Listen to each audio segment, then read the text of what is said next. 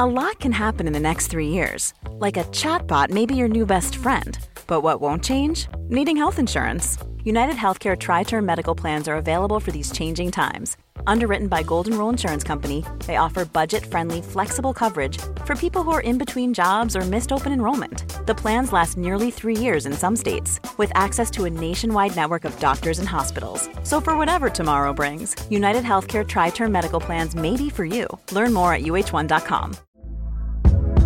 Hey there, it's Michelle Norris. I'm host of a podcast called Your Mama's Kitchen. When I travel, I'm usually looking for a way to find a taste of home when I'm not at home. And one of the things I love to do when I am at home is entertain. And Airbnb allows me to do that. When I was in California recently, I rented a house that had a great kitchen. And when we were sitting around the table, we're all thinking, we're in someone else's house. Someone could be in all of our homes as well.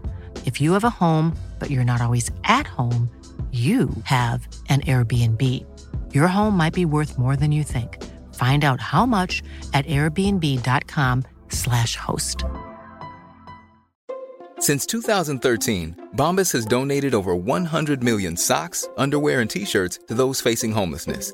If we counted those on air, this ad would last over 1,157 days. But if we counted the time it takes to make a donation possible, it would take just a few clicks. Because every time you make a purchase, Bombas donates an item to someone who needs it. Go to bombas.com slash ACAST and use code ACAST for 20% off your first purchase. That's bombas.com slash ACAST, code ACAST. Jeg vet ikke om du er mest fornøyd eller eh, ikke så fornøyd med at vi nå har fått en eh, ny pølse i vår eh, felles seng. Eh, det vet jeg ikke helt hva jeg skal svare på. Nei, det skjønner jeg. Men jeg er veldig spent på fortsettelsen av Det skjønner jeg, fordi det er jo det jeg prøver å lage nå. En cliffhanger. Som ikke blir en cliffhanger, for jeg kommer til å avsløre nå hva det handler om. Mm. Ja. Men eh, det jeg tenkte jeg skulle nevne, er jo at vi har fått en pølse i sengen vår. Men det er jo da en stor sånn eh, Hva skal man si? En sånn graviditetspute. Som yeah. er altså forma som en pølse. Og den er så god å ligge med. Ja. Mm. Det må jeg bare si. Eh, men det som var poenget mitt, eh, er jo at vi krangler om den hver natt eh, nå. Ja. Som jeg syns er litt spesielt, for den har jo nå ligget i garasjen i eh, ganske lang tid. Og så fikk jeg deg til å hente den inn igjen. Det vil si at du har hatt mulighet til å bruke denne graviditetspølsa mens jeg ikke har vært gravid. Men akkurat idet jeg blir gravid, da får du lyst til å begynne å bruke den pølsa igjen. Jo, men akkurat dette med ubrukte pølser i senga er litt, eh, litt sårt område for meg. Er det det? ja? Det er morsomt. Er det det? Ja, det er morsomt. Ja. Men du mener det kanskje ikke som humor? Eh, Nei, jeg mener det fra det dypeste stedet i hjertet mitt. Vi får se. Den pølsa her skal i hvert fall brukes mye fremover. Og så får vi se med andre pølsesnabber.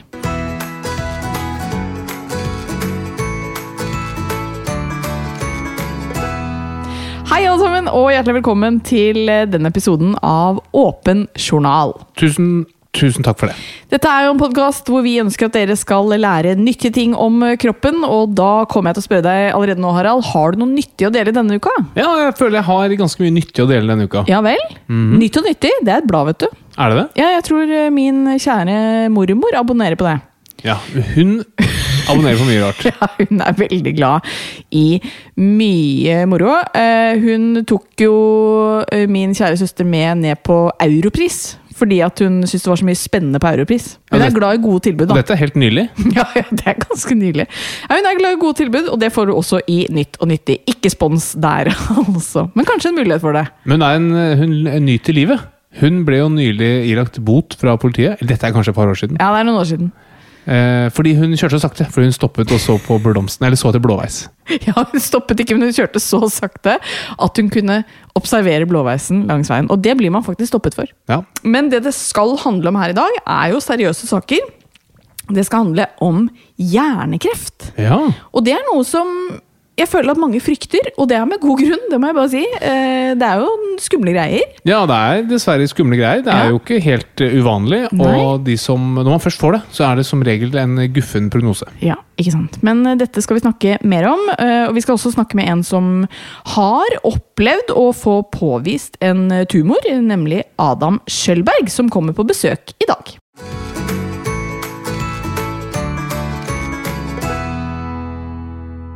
Mine kjære venner, jeg er ferdig med en tredjedel av mine eksamener på siste året på medisin. Tenk det. Det er fantastisk. Det er veldig imponerende. Tusen takk for det, og jeg kan meddele at eh, skriftlig eksamen, det gikk bra.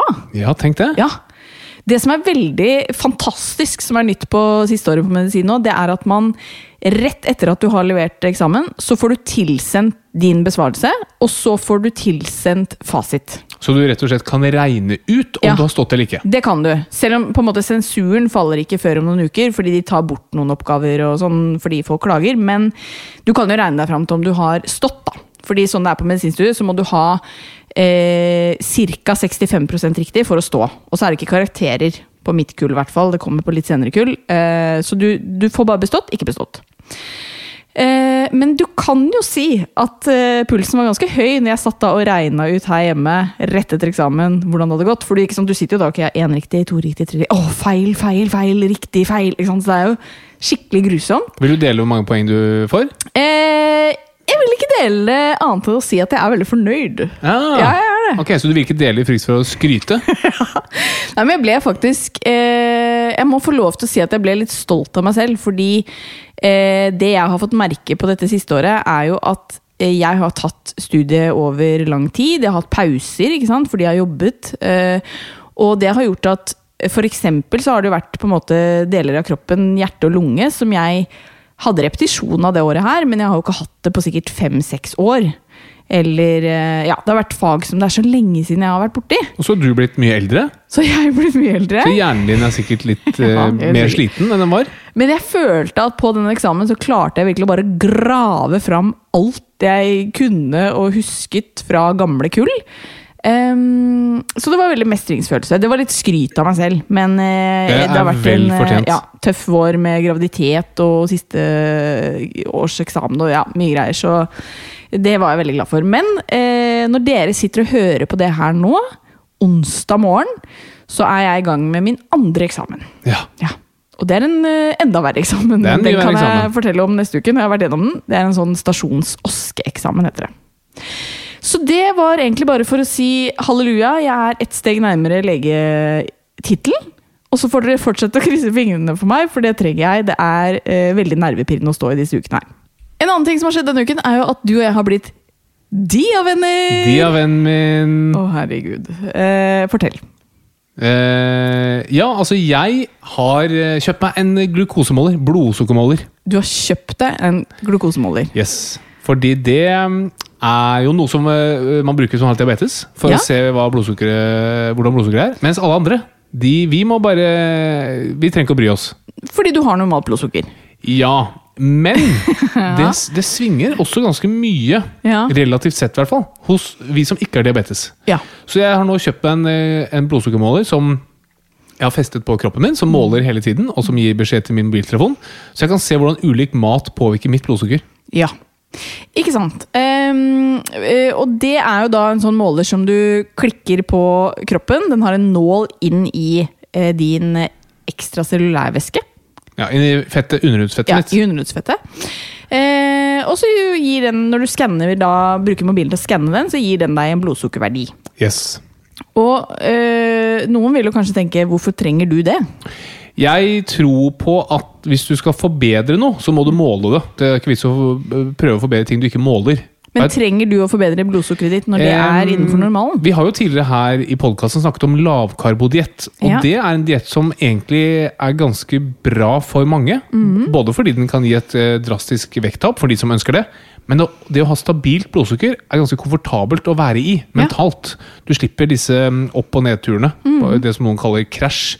Hvis du eksempel spiser en frokost med mye sukker, mm. så får du et høyt blodsukker, og så skiller kroppen ut insulin, og så får du lavt blodsukker. Ja. Og så blir man veldig sulten og øh, sliten og lei før lunsj, mm. og så spiser du en lunsj med tilsvarende mengde sukker, og så får du en krasj før middag.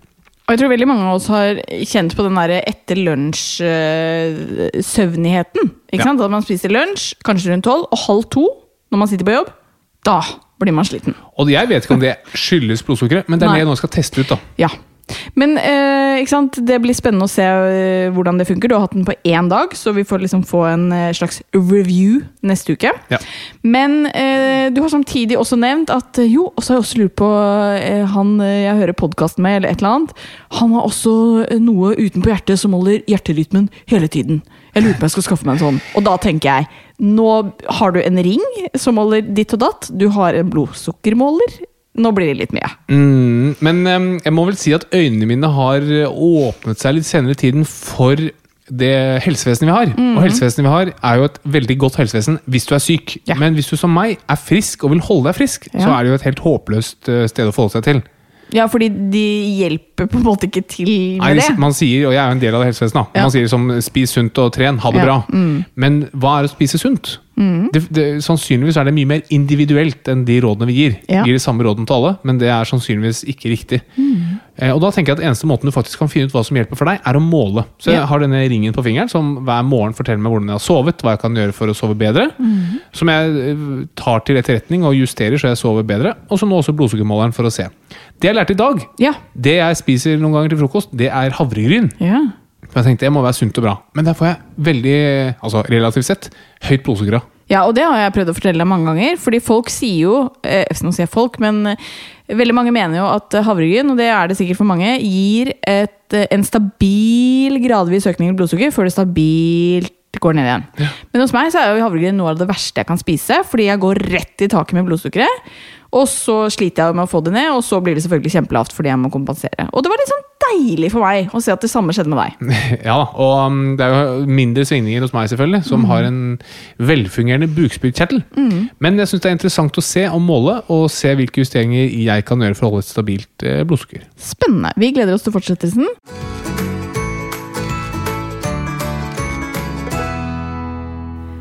Ukens tema det er eh, rett og slett eh, hjernekreft, Harald. Eh, Hvor vanlig er det med kreft i hjernen?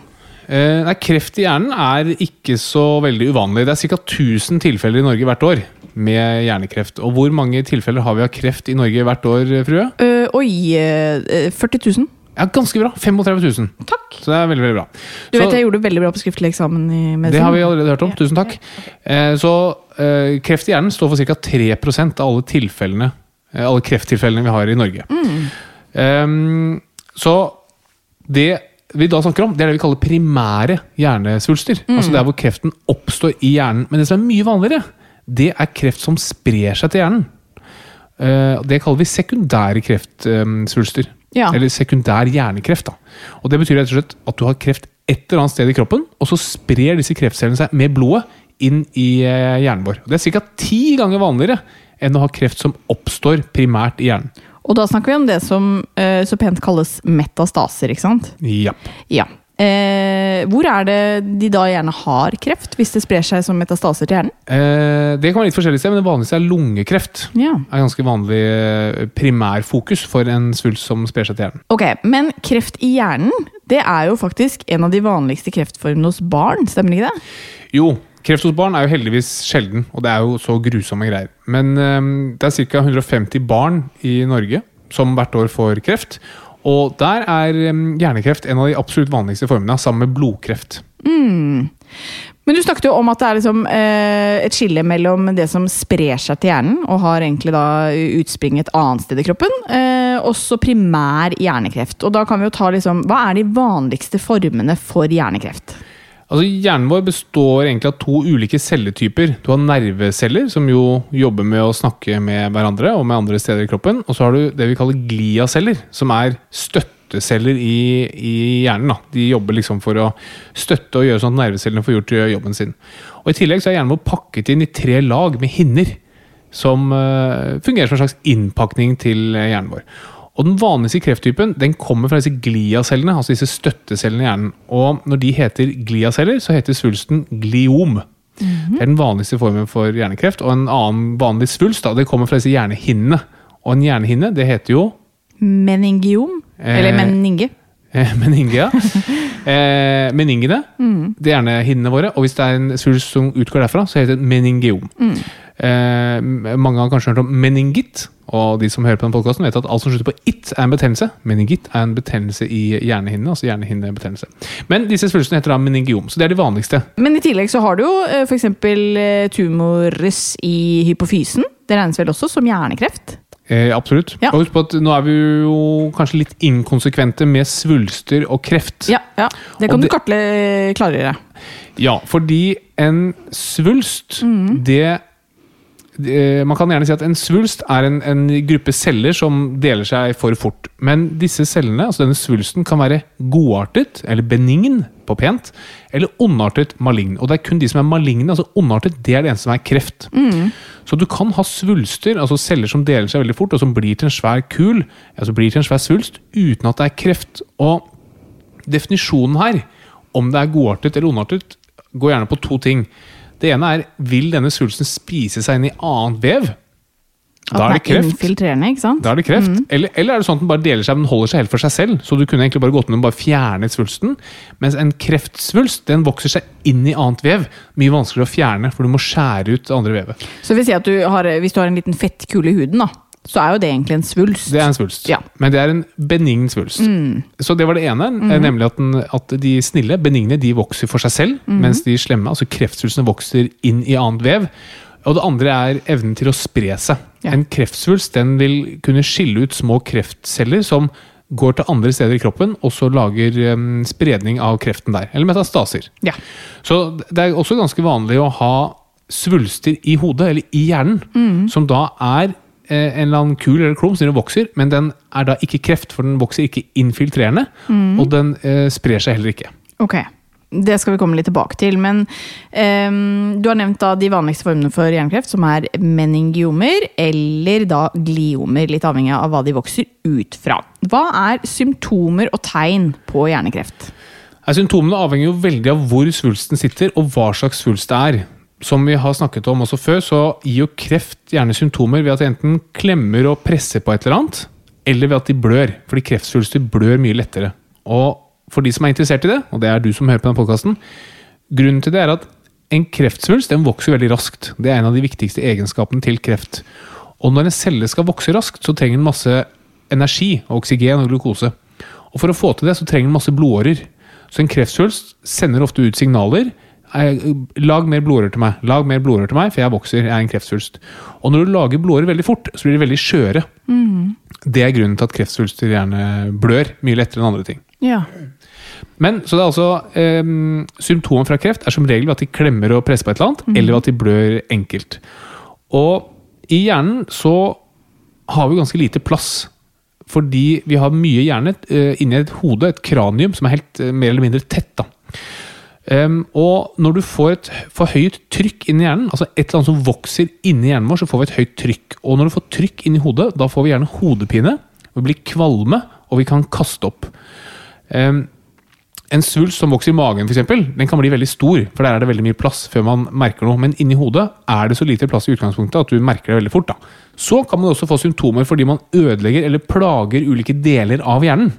Og hvis en kreftsvulst, da kreftceller da begynner å irritere hjerneceller, så kan disse hjernecellene begynne å sende ut masse signaler rundt seg. Og hva får du da?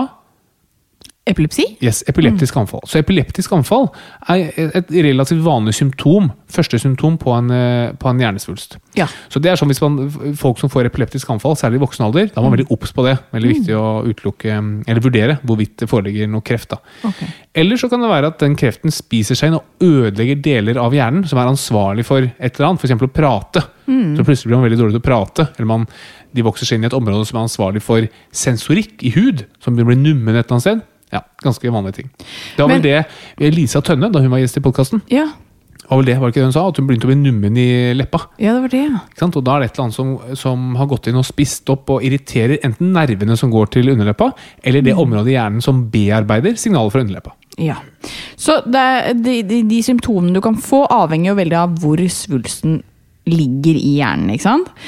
Eh, og så er det jo sånn at du kan ha snille svulster i hjernen, eh, og du kan ha eh, slemme svulster, for å si det litt sånn eh, enkelt. Eh, og da er liksom mitt spørsmål Du kan jo ha en snill form for hjernekreft, men som ligger på et vanskelig sted, og det gjør det hele ekstra vanskelig. Mm. Kan du forklare det? Altså Noen av disse snille svulstene de vokser veldig veldig sakte, altså over flere år. Og da har man gjerne ikke noen symptomer i det hele tatt. Um, og man trenger i utgangspunktet ikke å fjerne de før de begynner å gi plager, altså før de gir trykksymptomer. Så det er ganske mange som har svulster i hodet som bare følges opp regelmessig. Fordi Men- det å operere de ut er større risiko, da, Ja. enn å gå med Ja. Riktig. Fordi hvis de ligger på et sted i hjernen hvor du ikke klarer å komme til med kniv, for å si det litt enkelt, da er det ganske risikabelt, så du vil utsette i det lengste med å operere det. Selv om selve svulsten er lett å få ut, for den, den sitter ikke fast i noe annet vev, for å si det veldig enkelt. Men hvis den ligger midt i hjernen, så er det, du må du forbi masse hjernevev for å komme inn dit. Og det er jo veldig, veldig skummelt, da. Ikke sant. Men du har jo da nevnt hodepine, eh, og hodepine det er veldig vanlig. eh, Og da blir jo det store spørsmålet hvordan kan man skille en alvorlig form for hodepine fra en eh, ufarlig en? Ja, nei, det er som du sier, det er veldig, veldig vanlig, og hodepine er veldig sjelden et tegn på noe alvorlig underliggende.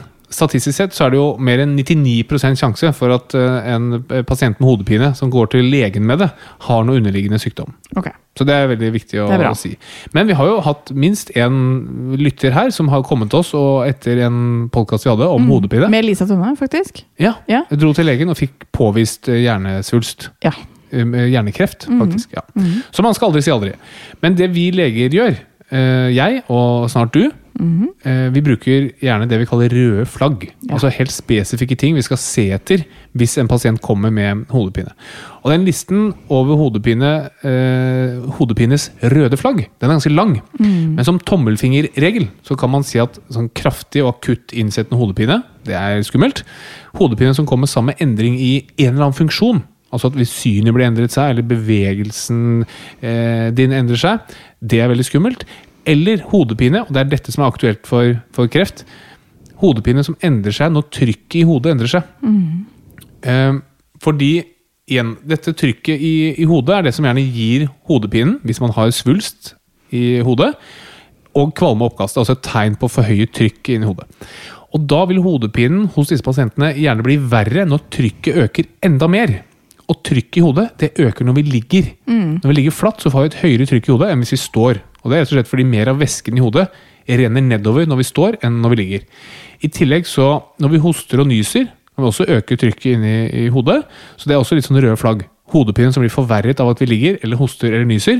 Eller hodepinen som blir forverret av at vi lener oss framover. Ja, Så det er jo eh, et eksempel på når man bør gå til legen. Eh, Når bør man ellers gå til legen med mistanke om eh, hjernekreft? Eh, nei, med mistanke om hjernekreft Nei, jeg tror liksom uh, Får du et epileptisk anfall, så er det rimelig åpenbart. Da blir du sannsynligvis kjørt til eh, legevakta. Mm. Et eller annet eh, som endrer seg inni hodet ditt, enten om det er eh, humøret ditt som endrer seg, eller personligheten din, eller at du eh, Ja, sånne ting. Jeg tror man skjønner ganske åpenbart når man burde henvende seg til, til legen med disse tingene her. Ja, ikke sant. Um, Og så tror jeg, Når det gjelder hodepine, så tror jeg en fin regel ville bare vært Har du en hodepine som ikke er diagnostisert av lege før, gå til legen og få diagnosen. ja, ok. Slipper å lure på det. For de kan da forklare deg at dette er spenningshodepine, dette er migrene, dette er hjernekreft. hodepine er veldig veldig vanlig, men det er som regel den samme type hodepine vi opplever. Selv om vi får hodepine en gang eller to i måneden, så er det den samme typen. Så skulle det være noe nytt med hodepinen, gå og få undersøkt det. Men hvis man da går til legen eh, med mistanke om at man har eh, hjernekreft, hvordan diagnostiserer legen det? Nei, Man prater med pasienten, og det er som de fleste diagnoser, så skjønner man ganske fort om det dreier seg om hjernekreft eller ikke, bare ved å prate med pasienten. Og mm, igjen, sjansen for hjernekreft hos en pasient med hodepine er i utgangspunktet ekstremt lav. Men i de tilfellene man ikke blir helt sikker ved å ha snakket med pasienten, så gjør man jo litt flere undersøkelser. Og en viktig undersøkelse da er å undersøke hvordan hjernen fungerer. Og da kan vi undersøke alle hjernenervene. Vi kan se beveger øynene seg som de skal, klarer å bevege musklene som de skal. Har vi det tempoet som hjernen eh, gir oss, osv. Og, og hvis man fortsatt etter det er usikker på hva det er, så tar man gjerne noen blodprøver, og så tar man og sender pasienten til undersøkelser av hjernen. Og da bruker vi gjerne MR eller CT-undersøkelse, hvor vi faktisk ser hele hjernen. Og hvis man da får påvist hjernekreft, hva skjer videre da? Nei, Det kommer veldig an på hva slags svulst det er. Og igjen, Nå blander vi litt svulst og kreft, men det er for så vidt samme uansett hvilken av de det er. da. Så punkt 1, Ser du et eller annet i hjernen, så vil du vite hva slags svulst det er, og hvor kommer den fra. Og det som man aller helst vil gjøre, det er jo å få en prøve, en biopsi, av denne svulsten, hvis ikke man ser helt åpenbart på CT-bildene eller MR-bildene at dette er en klassisk sånn og sånn type eller ikke. Og så vil jo, basert på hva det er man har funnet, da legger man et, eh, en slagplan for behandlingen. Ja. Stråling er jo annet brukt en del på hodet. Ja. Ja. Så stråling er en veldig fin måte å eh, ikke sant? Sånn det er ved kreft Hele poenget med, med å bli kvitt kreft er at du må drepe alle kreftcellene. Og så vil du drepe så minst mulig av det friske vevet. Og stråling er en fin måte å behandle kreft på, fordi kreftcellene tåler stråling dårligere enn eh, friske celler. Ja. Og så kan det også være en fin måte å behandle kreft som ligger litt vanskelig til på. For du kan sende strålen eh, ganske fokusert inn på et sted i kroppen som kan være vanskelig å komme til kirurgisk. Og nå avhenger jo sikkert prognosen veldig av hva slags type kreft du har fått. For den kan jo være godartet, og den kan være ø, ø, ondartet. Men hvordan er prognosen ved hjernekreft? Ja, så Skillet går som du sier da, mellom eh, be- benigne svulster. Det er da ikke kreft. ikke sant? Og, og når det er kreft, da snakker vi om en malign svulst. altså en ondartet svulst. Så de som har en eh, svulst i hjernen, altså en, en snill form, de kan jo gå med dette her i flere tiår, og så fjerne det kirurgisk uten at det er noe problem. Mens de som får hjernekreft, har en mye dårligere prognose. De, som har de mest aggressive formene, de kan dø i løpet av noen uker til måneder. Så det er forferdelig triste greier. Rent statistisk så vil 95% overleve i fem år med en snill svulst i hjernen. Mens de som har kreft i hjernen, så vil to av tre være døde i løpet av fem år. Ok, Det var jo dyster prognose. Den er ganske dyster, og så er det jo Hjernen er jo den vi er, personligheten Ja. vår. Så alt som går inn og, og tuller oppi der, er jo i utgangspunktet guffent. Men eh, her var det eh, som sagt ikke noe fasitsvar. Hvis noen sitter nå og er pårørende til noen med hjernekreft, eller eh, har det selv, så avhenger det veldig av hva slags type, og ikke minst hvor den ligger. Så her eh, må man ikke Yes. ta de tallene og Nei, så Dette er selvfølgelig sett på, på store grupper, hvor, hvor det eneste man vet at fellesnevner er hjernekreft. Men det finnes jo selvfølgelig alle varianter innunder det. Vet man noe hvorfor man får dette? Eh, ja, det, no, det finnes noen sånne sjeldne genetiske varianter som gir økt risiko for hjernesvels, eh, unnskyld, hjernesvulst. Og så er den eneste egentlig risikofaktoren man vet om, det er det vi kaller ioniserende stråling. Ja. Altså stråling med høy energi. F.eks. røntgenstråling. Eh, Eller sånn strålebehandling vi bruker i kreft, eller de som har vært utsatt for atomulykker eller atombomber. Ehm, Så det vil si at hvis du har blitt behandlet for kreft med stråling, så vil du kunne ha litt økt sjanse for å få kreft senere. absolutt. Ja. Og samme hvis du har vært undersøkt veldig mye i forbindelse med en, tatt veldig mange CT-undersøkelser, f.eks. eksempel Så fordi du er blitt behandlet for en type kreft, så øker sjansen din for kreft bare pga. at du har fått den strålingen som du har fått gjennom CT-undersøkelsene. Men stråling er jo i vinden om dagen. Eh, altså eksempel eh, når man snakker om litt sånn 5G-greier, og at man er litt sensitiv for det. Altså, eh, jeg må bare stille spørsmålet. eh, Har man f.eks. sett at stråling fra en mobiltelefon kan øke sjansen eh, for denne type kreft? Ja, Det har man sett på. Ja. Det man man. Husk det, som, det som er fordelen med vitenskapen, er at den er veldig nysgjerrig. Så den undersøker alt mulig sånt. da. Så det har man undersøkt, det har man ikke sett noe klar sammenheng med. Så, sånn som Mobilstråling for eksempel, ser ikke ut til å gi noe økt risiko for kreft. Men man har jo gjerne et føre-var-prinsipp. da. Ja. Så man vil jo gjerne begrense strålingen så mye som mulig, men man har ikke klart å se at det gir noen økt risiko for kreft. Nei. Takk for gode råd. I like så, I dag så har vi fått et, lytter, I dag så har vi fått et lytterspørsmål. Ja. Ja, på den svenske podden. Er det svensk Ja, på den? nå ble det i hvert fall det. Um, men nå går jeg tilbake til norske. Au. Ja. Vi har fått et uh, lyttespørsmål, og jeg Ikke jeg, for jeg har ikke fått kjønnsvorter. Men, Har du ikke? eh, nei, ikke som jeg veit, men eh, den personen her har fått kjønnsvorter. Og uh, den eh, personen lurer på Må jeg si ifra til de jeg skal ha sex med, om jeg er så heldig å få meg noe. Mm. Mm, sier du. Mm, sier jeg. Ja, her er det noen som er heldige. Eller kanskje ikke så heldige, Eller kanskje ikke så heldig. Eh, men, Med tanke på kjønnsvorten, altså. Nettopp. Ja. Men jeg tenkte å få seg noe. Det er Ja, bare ja, ja, um, det var, jeg skjønte jo det, da. ja, ja. Eh, nei, du må ikke si fra. Nei. Du må ikke si fra, nei. Eh, Du må ikke si fra, nei. Det er Men- litt realt gjort da, å si fra, men uh, du må ikke. Ja, du på, å, ja, du tenker på lovens lange arm. Ja, Ja. Hva tenker du på? Nei, jeg tenker sånn etisk sett. Ja, Hadde ikke vært greit å si fra? Men vi sitter jo ikke her og svarer som etikere. Nei, nei, nei. nei, nei. Men eh, hvis vi snur spørsmålet, da, og, og det personen egentlig lurer på Ok, sånn Rent eh, lovlig rettslig så trenger hun ikke, eller han, å si fra om det. Nei. Men er det smittsomt sånn at hvis eh, denne personen da har sex med en annen, vil det garantert smitte, f.eks.? Nei, men høy sannsynlighet. Høy sannsynlighet, ja. Så det, det, altså, hadde du sendt inn spørsmål til Siri og de gode hjelperne, Ja. så ville du sannsynligvis fått svar ja. Du må si fra. Ja. Mm. Men når du spør meg, som er en reinspikka vitenskapsmann, i hvert fall med den hatten jeg har på i denne podkasten, Ja. da vil jeg si at du må ikke, men du bør. ja. Det var et fint og ryddig svar.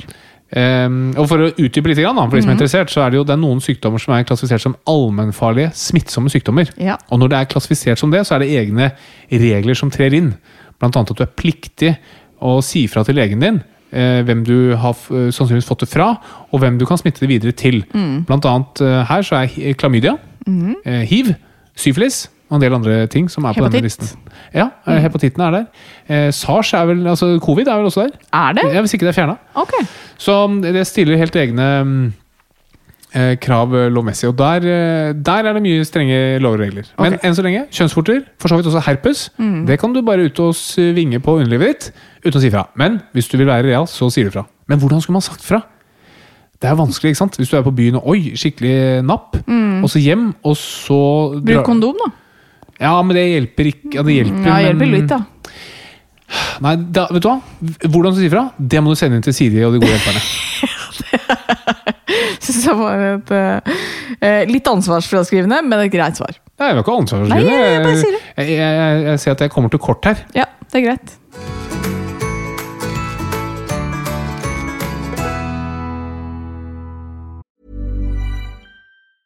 Even when we're on a budget, we still deserve nice things. Quince is a place to scoop up stunning high-end goods for 50 to 80% less than similar brands. They have buttery soft cashmere sweaters starting at $50, luxurious Italian leather bags, and so much more. Plus, Quince only works with factories that use safe, ethical, and responsible manufacturing. Get the high-end goods you'll love without the high price tag with Quince. Go to quince.com slash style for free shipping and 365-day returns. One size fits all seems like a good idea for clothes until you try them on. Same goes for healthcare. That's why United Healthcare offers flexible, budget friendly coverage for medical, vision, dental, and more. Learn more at uh1.com. Hey, it's Ryan Reynolds, and I'm here with Keith, co star of my upcoming film, If, only in theaters, May 17th. Do you want to tell people the big news? All right, I'll do it. Sign up now and you'll get unlimited for $15 a month and six months of Paramount Plus Essential Plan on us. Mintmobile.com slash switch. Upfront payment of $45 equivalent to $15 per month. Unlimited over 40 gigabytes per month. Face lower speeds. Videos at 480p. Active Mint customers by 531.24 get six months of Paramount Plus Essential Plan. Auto renews after six months. Offer ends May 31st, 2024. Separate Paramount Plus registration required. Terms and conditions apply if rated PG.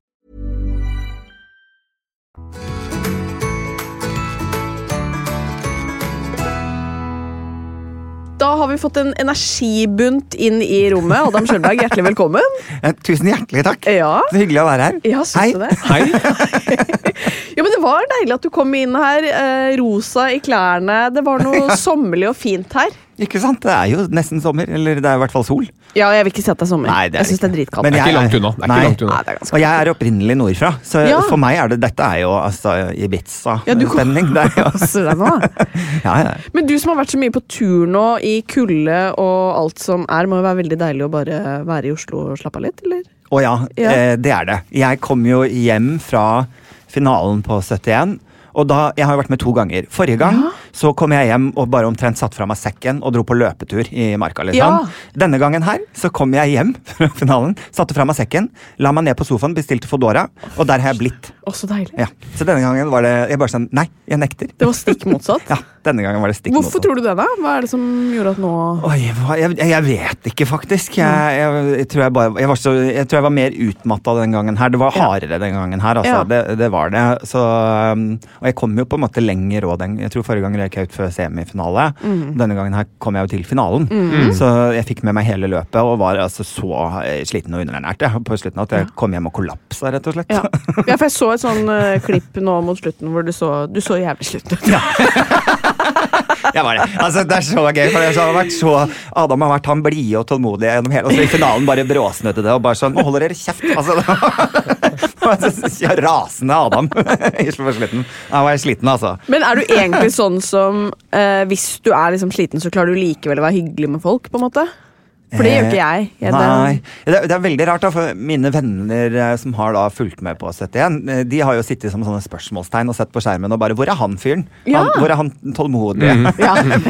rause fyren? Han har vi aldri møtt. Nei, ikke sant. Nei da, så jeg, nei da, det er jo klart, jeg er, er absolutt det.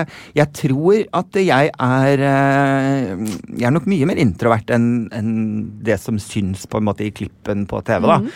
Eh, Jeg er jo en veldig sånn betenkt fyr, så jeg er nok ikke så eh, sprudlende sånn privat. Det er jeg ikke, tror jeg. Nei. Eh, jeg vet ikke, Det har skjedd noe. Jeg har blitt 40 nå Ja. eh, i år. Gratulerer. Så, eh, takk. Det har liksom, det har skjedd noe sånn skifte, merker jeg. At eh, det er, det er mindre skille på Adam eh, privat og, og jobb-Adam nå enn en, Det er mindre skille enn det har vært før. da. Men hvordan da at du, du er mer deg selv også ute blant eh, Ja. på TV-en og på, i mediene? Ja, og jeg tror liksom, for mange, I mange år har det vært liksom viktig for meg å skille de to personene litt, for å bevare sånn mental helse. ikke sant?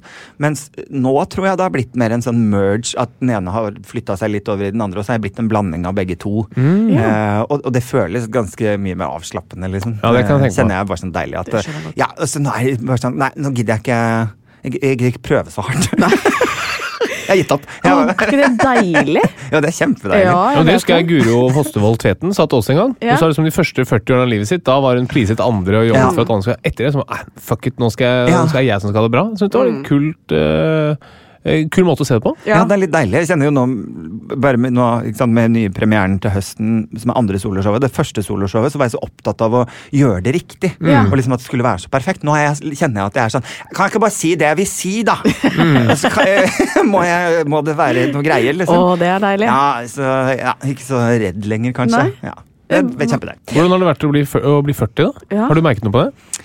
Ja, eh, nå skal det sies da at folk har Jeg husker i min 30-årsdag så ble jeg roasta av eh, Sigrid eh, Bonde Tusvik. Og da gikk hun opp og bare sa sånn Jeg sier det vi alle har tenkt, ja. Er det feil på denne invitasjonen? Det står 30, men du blir vel strengt tall 40? Eh, så, har ikke du vært her i en evighet, liksom? Så, hvordan kan du bli 30? Så jeg føler jo nå at jeg kanskje er den alderen alle har trodd at jeg har vært veldig Ja. lenge. Ja. Så det føles greit. Samtidig så er det jo sånn Jeg har googla litt, da, selvfølgelig. Vært min egen lege. og vært Sånn, oh, hva nei. skjer menn 40? Ja. Hva skjer nå? Ikke sant?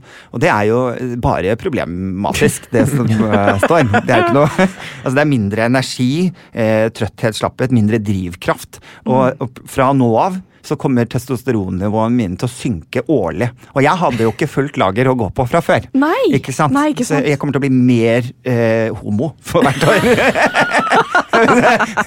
Det, det kan jo bli litt spennende. Kjem, og I tillegg så har jeg mindre drivkraft og energi. Så dette, jeg kommer til å ligge apatisk og synge musicals uten å kunne få det ut. Skjønner du? Altså det, jeg kommer til å bli lagt inn. Ja, det, det er ikke opp uh, Man blir ikke glad av å høre de tallene Nei da, der, eller de absolutt. faktaene Det der. er kjemperart. Men nei, så jeg, ja, og så merket jeg Det var også sånn plutselig en dag da klokka var sånn to-tre-tida midt på dagen. Og da gikk jeg forbi et speil, og så så jeg at jeg hadde smule på kinnet. Og det skjedde ikke før jeg ble 40. Ja, men sånn- Var det i barten, eller var det i kinnet? Her, sånn brødsmule. Det har jeg ikke hatt før. Det hadde jeg ikke da jeg var ung. Det har skjedd nå. Ja, for nå begynner det å flyte litt, liksom. Ja, ikke sant? Ja, det er det det er. ut. Ja, sånn nesehår som ikke sant? Det er sånn Å ja, faen, jeg må klippe de òg, ja. Ikke sant? ja. Det er mye greier.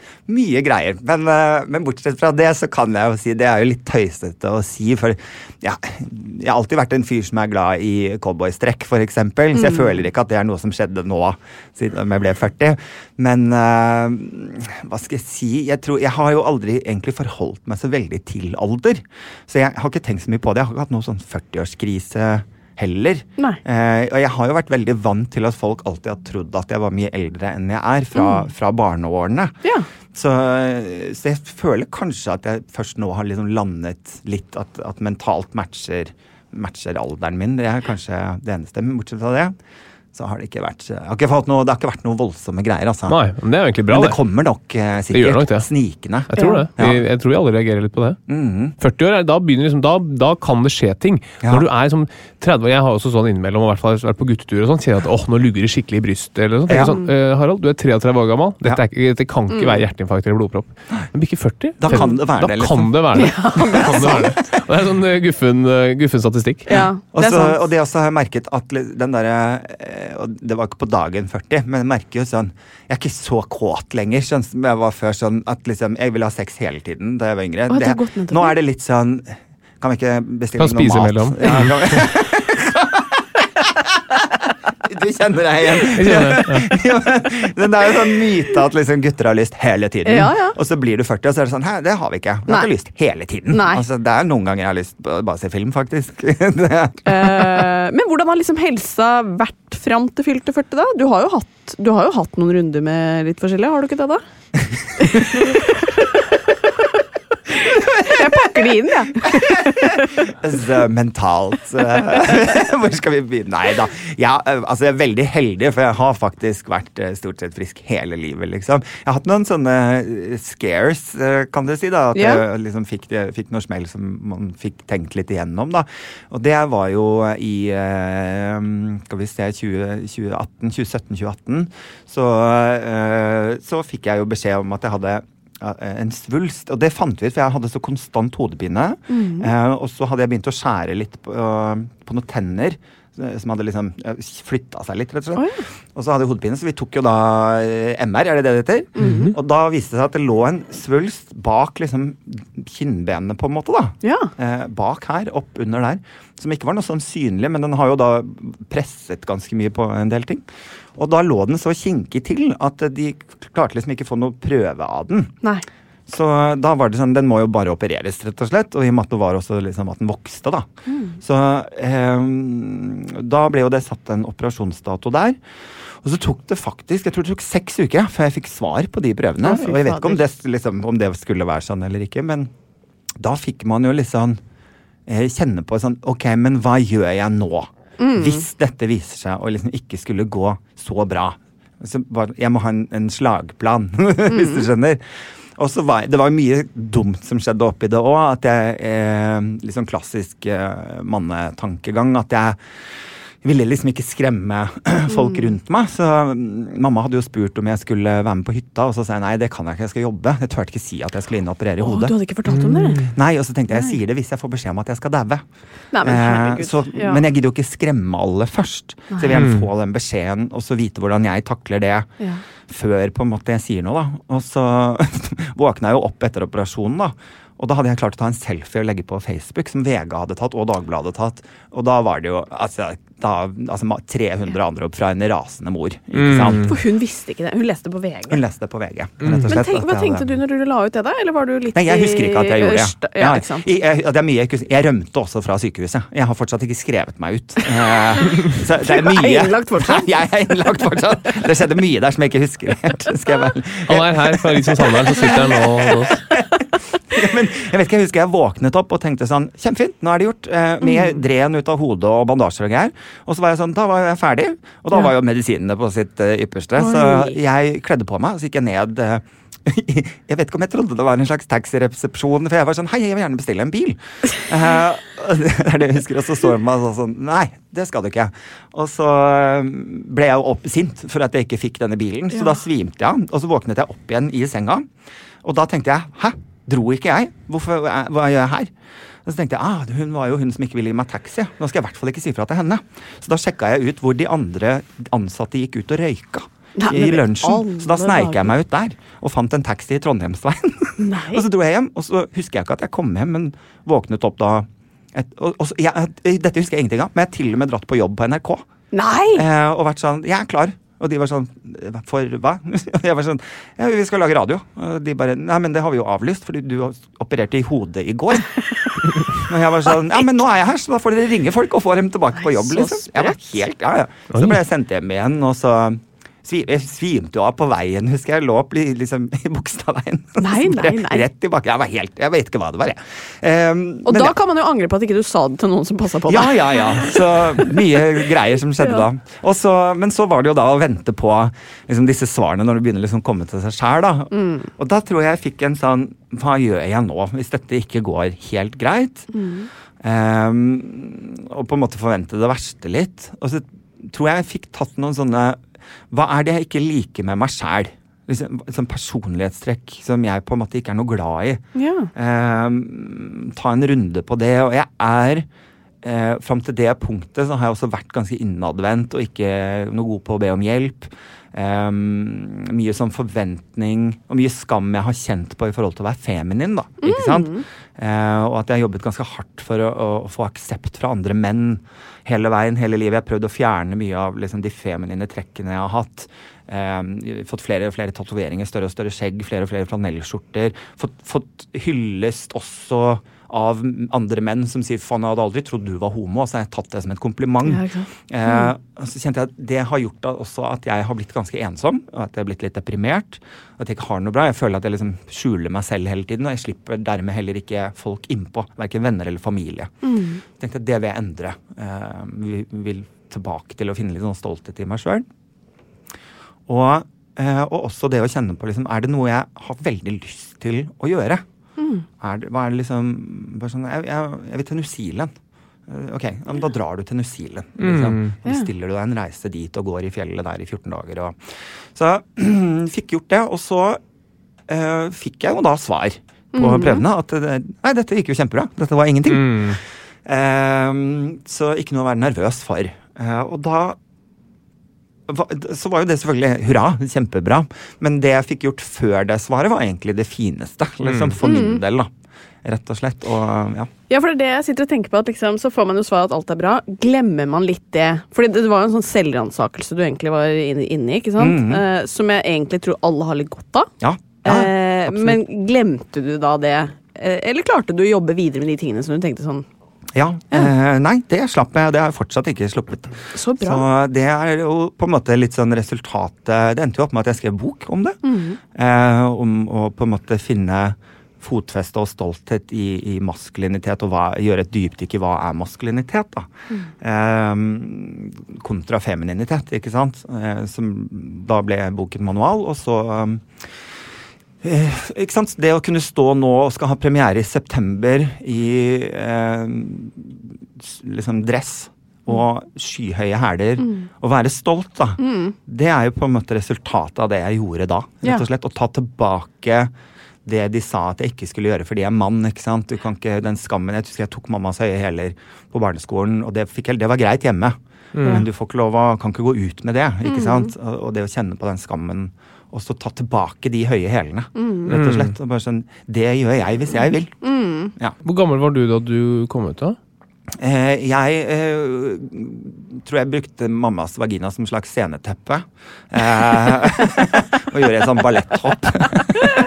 så det, jeg tror det var da. Men eh, nei, jeg rakk liksom ikke så mye heterofilt. Eh, så jeg, da jeg på en måte sa det høyt det var jo sommeren til åttende klasse. Da, da, og da var det jo ingen som var sjokkerte. Så det var jo selvfølgelig en kjempenedtur. Men uh, mamma Jeg husker mamma sa Jeg husker at vi satt og så på Jeg husker vi satt og så på Ricky Lake på TV. Ja, ja. Og så sa mamma plutselig sånn helt uforventa sånn Du er så glad om dagen. Er du forelska? Så, så tenkte jeg ah, this is the moment. Ja. Så jeg var sånn Ja. Eh, og så tenkte jeg Du vet sånn tusen tanker i hodet. Hva sier jeg nå? Og så sa hun Er det en gutt? Åh. Og så sa jeg ja. Og så sa hun OK, så kult. Hva heter han? Ja. Og så ja, heter det sånn og sånn. Ja. Og så var det, ikke, så var det ferdig. ikke sant? Men så hadde vi en prat en stund etter det, da, der mamma sa at liksom eh, At du skal vite at jeg elsker deg, og, og at det er på en måte aldri noe problem. Eh, men jeg må også som mamma få lov til å være redd for at du skal bli behandlet dårlig. Det bekymrer meg, og det blir jeg lei meg for. Men jeg er aller mest lei meg for at de kanskje ikke skal oppleve hvor fantastisk du er. Det er det som gjør vondest, da. ikke sant? Så, så det var en fin samtale som heller ikke ga meg noe skam, da. ikke sant? Men, eh, men det med høye hæler, det var jo en sånn ting som mamma var litt sånn Ikke gjør det. Du kan, trenger ikke gjøre det ute. Selv om hun kanskje aldri sa det, så var det et inntrykk jeg også fikk. Sånn at det ble jo også da en skam hjemme òg. At jeg ikke Ja. gjorde det hjemme heller. For at det virka ikke som at de heller likte det så Å ja, godt. da. sånn, ja. Så Ja. du tenker kanskje at, uh, at hun ikke klarte helt å forklare deg at hun syntes det var fint og greit, men hun ville ikke at du skulle gjøre det ute egentlig for å beskytte deg, men at du skulle gjerne skjønt i større grad at det var helt uh, Det var takhøyde Ja. for å gjøre det hjemme. Og det er jo, jeg tror det er liksom lett som, ikke bare barn, men som voksne òg, at når noen ytrer en sånn bekymring, så tolker man det kanskje som at det er noe du mener. Ja. Ikke sant? Det er fort å gjøre Ja, det. Det er vanskelig å forklare sånne ting uten å, uten å tråkke litt feil, da. Ja. Ikke sant? Så, så absolutt, da. Og så igjen da i voksen alder, det med bare generelt kjenne på samfunnet og den kritikken man får som feminin mann, da. Ikke sant? At det er verdt mindre i samfunnet vårt. Altså maskulinitet settes jo høyere enn en femininitet. Direkte ut Altså, menn er bedre enn kvinner samfunnsmessig, ikke sant. De, de tjener mer bedre og bedre og har lettere liv, da. Ikke sant. Så historisk eh, har på en måte ikke menn måttet kjempe for stemmeretten sin. Så, så det er jo sånn direkte eh, fra, fra det, rett og slett. Mm. Kvinnekamp. eh, Det å være feminin mann, spesielt fordi jeg er mann. Andre menn har jeg jo opplevd nesten kan ha et sinne over at jeg som er så heldig og privilegert, som er født mann, hvit mann, i Norge, liksom. Hvordan kan du velge å påta deg noe sånn nedverdigende som, som kvinnelighet? ikke sant? Det, er- det, man merker at det ligger en sånn eh, avsky i det, da, som mann. Men mener du når du snakker om menn fordi du altså, Snakker du da om heterofile menn eller homofile menn eller alle menn? Eh, i, det er jo også en sånn eh, minoriteter som kjemper for normalisering. Mm. Eh, I mitt hode For meg handler jo ikke normalisering om å please heterofile samfunnet. For meg handler ikke normalisering om å skli inn og være usynlig. Det var aldri min kamp. ikke sant? Min kamp var å være meg. Eh, og retten til å være meg uansett hvordan jeg er. Så, så innad i minoriteter så er det jo også ofte en sånn kampen om normalisering, om å, om å bli usynlig, om å skli helt inn. Nå må vi sitte rolig, nå har vi fått så mange rettigheter, så nå må vi sitte rolig i båten, så vi ikke mister noen. ikke sant? Så må, kan alle bare holde kjeft og være helt vanlige. Eh, og så er det sånn Nei! Det kan dere bare drite i. Så, eh, så innad i miljøet så er jo på en måte rangstigen også at de mest maskuline, det man kaller for straight acting, ikke sant? det er jo de mest populære mennene innad i homsemiljøet også. Og, og, og så jo lenger ned på stigen, så drag queens er helt nederst. ikke sant? Det er de som sliter med å få seg eh, kjærester og sånn, fordi veldig mange homser har også vanskelig for å takle å være sammen med en som kler seg ut som en kvinne, f.eks. På, på hobbybasis. da. Så, så det er noe man finner i eget miljø igjen, da. Mm, definitivt. Eh, men det jeg satt og tenkte på Vi skal snart gå til quiz, men? Sist du da opplevde eh, å få en alvorlig diagnose med en svulst i ansiktet, eller i, i hodet, eh, så valgte du å ikke dele det. Ikke sant? Og fikk jo noen konsekvenser av det. Eh, hvis det nå skjer noe nytt med deg, Ja. ikke sant? sykdom eller noe vanskelig, har du liksom, kommer du til å gjøre det på en annen måte? Ja, eh, absolutt. Jeg hadde en skikkelig knekk eh, i, altså rett før korona, januar-mars-sjiktet der. Eh, som det, det krasja fullstendig eh, i livet mitt. Og eh, da eh, tenkte jeg at eh, nå må du jo gjøre det motsatte av det du har pleid. Og da eh, sa jeg fra til mine nærmeste venner at eh, nå, nå trenger jeg hjelp. Ja. Rett og slett. Dette får jeg ikke til. Og det var veldig vondt, og det var veldig vanskelig. Eh, å kjenne på den eh, For det er jo bare en usikkerhet at jeg vet ikke hva som Hvis jeg lar meg nå falle, hva- skjer? Ikke sant? Jeg, jeg vet ikke, jeg har ikke gjort det før. Men nå, jeg, nå bare kaster jeg meg utafor her, liksom. Og så det å oppleve da at Det er vanskelig å snakke om uten å bli litt rørt, men det å oppleve da at vennene dine bare tar deg, det var veldig fint, altså. Det er noe av det beste jeg har opplevd. Og, og løfta meg opp, rett og slett. Ja. Mm. Ikke sant? For vi har jo snakket om dette med at menn kanskje holder litt eh, mye inne og sånn, så, og det gjorde jo du sist. Mm. Mens nå gjorde du det ikke, Ja. og så Og så fungerte det. Ja. Og, og ikke bare det, men liksom når vennene da på en måte dro meg opp og, og, og fikk meg på beina igjen, så opplevde jo jeg noe som var utrolig rart. da, At eh, ved å ta tilbake alt det jeg har jobba så hardt for å kvitte meg med, da, som vi ser på som feminint, ikke sant.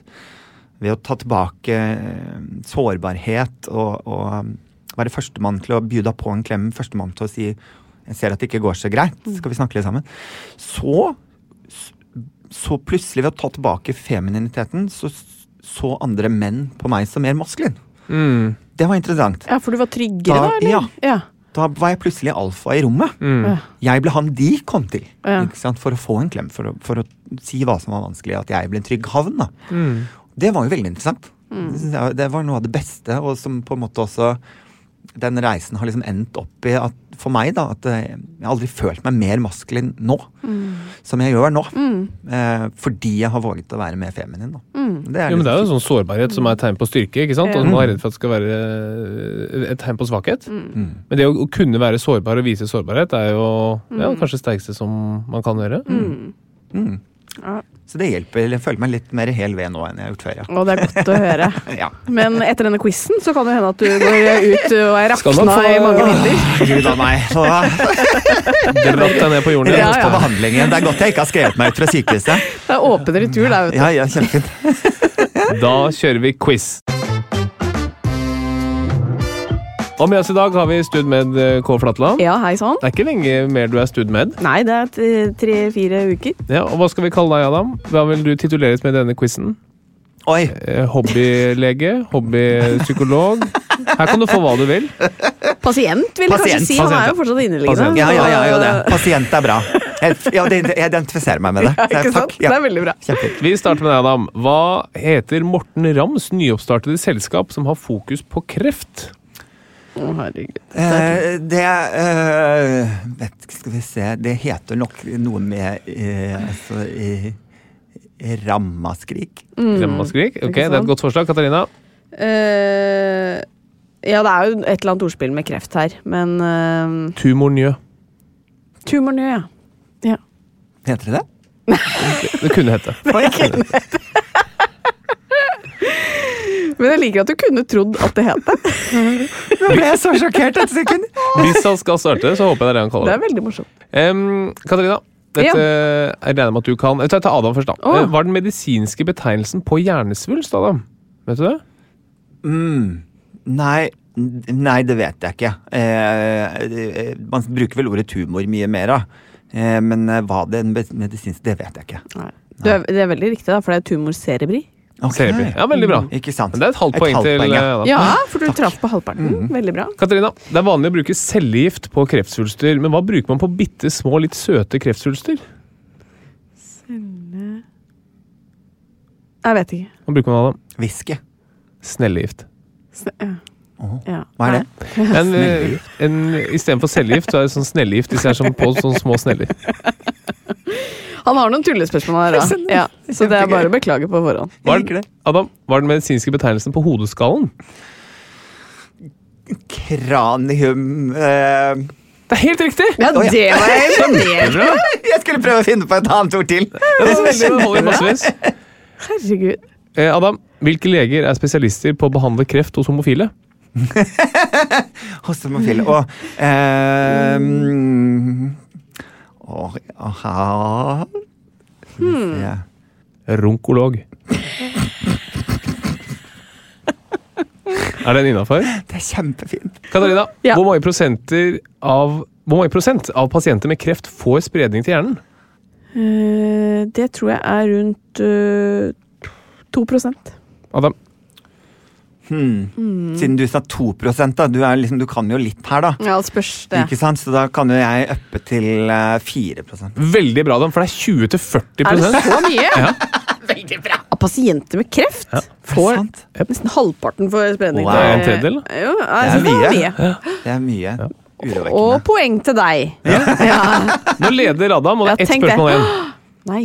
Uh, Katarina, hvorfor er det så lett å banke nevrologer? Banke nevrologer. Fordi jeg er en et eller annet med neve. Adam, hvorfor er det så lett å banke nevrologer? Nei, altså, de er jo nerds, eh, så det er jo Jeg tenker det sier seg selv, da. Sånne akademikere, det er de letteste å ta. Ja. De tåler bare ett slag. Ja. Ah, den er fin. Den er fin, den er fin. Men jeg likte din at de er nerds. Det var veldig generelt. Tenk at du vant! Ja, det er, Gratulerer. Altså, så ler han så godt. Det er så pinlig for dere. Ja, det er veldig mest pinlig for meg. Ja.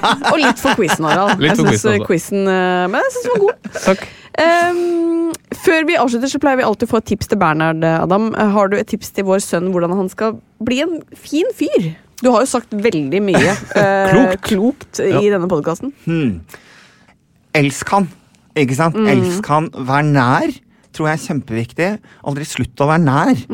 Eh, det er så viktig å, å, å være nær barna sine for at de selv skal kunne regulere nærhet i voksen alder. Da, ikke sant? Eh, så, så vær nær. Elsk dem, støtt dem, la dem leke med alle fargene i, eh, i esken. Ja.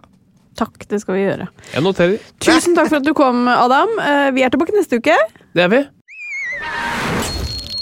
Plan B.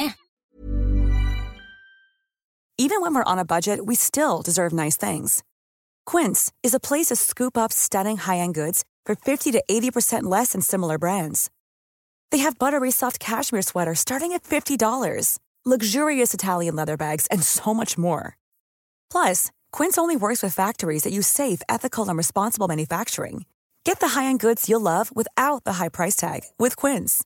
Go to quince.com slash style for free shipping and 365-day returns.